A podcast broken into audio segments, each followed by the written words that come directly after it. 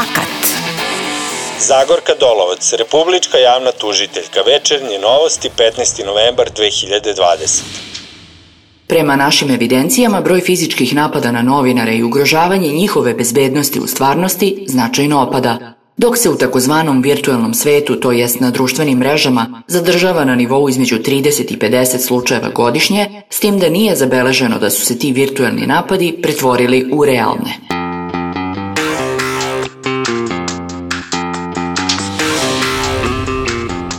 Republička javna tužiteljka Zagorka Dolovac u intervju za večernje novosti rekla je da se smanjuje broj napada na novinare, ali i da je zadovoljna jer broj nepoznatih učinilaca drastično pada. Baze podataka koje vode novinarska udruženja UNS i NUNS se međutim ne poklapaju s njenom evidencijom.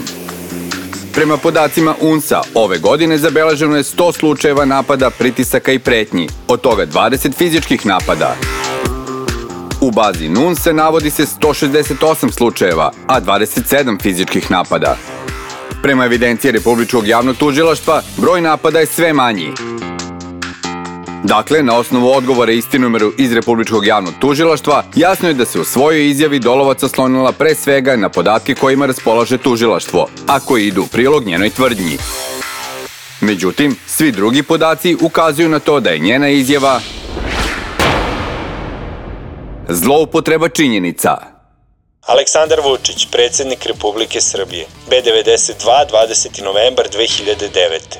Ostali smo čak i kada je Boris Tadić govorio, iako smo mislili da mu tu nije mesto, iz poštovanja prema njegovoj svetosti Patrijarhu Srpskom.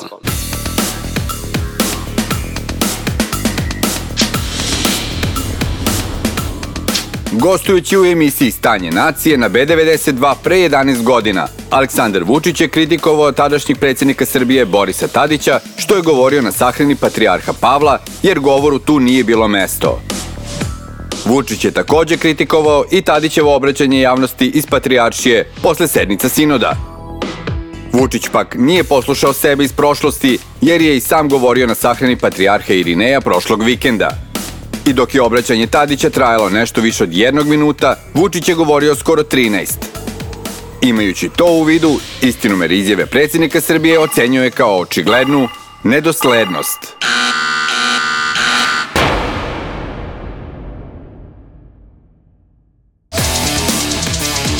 Izjava ljubavi.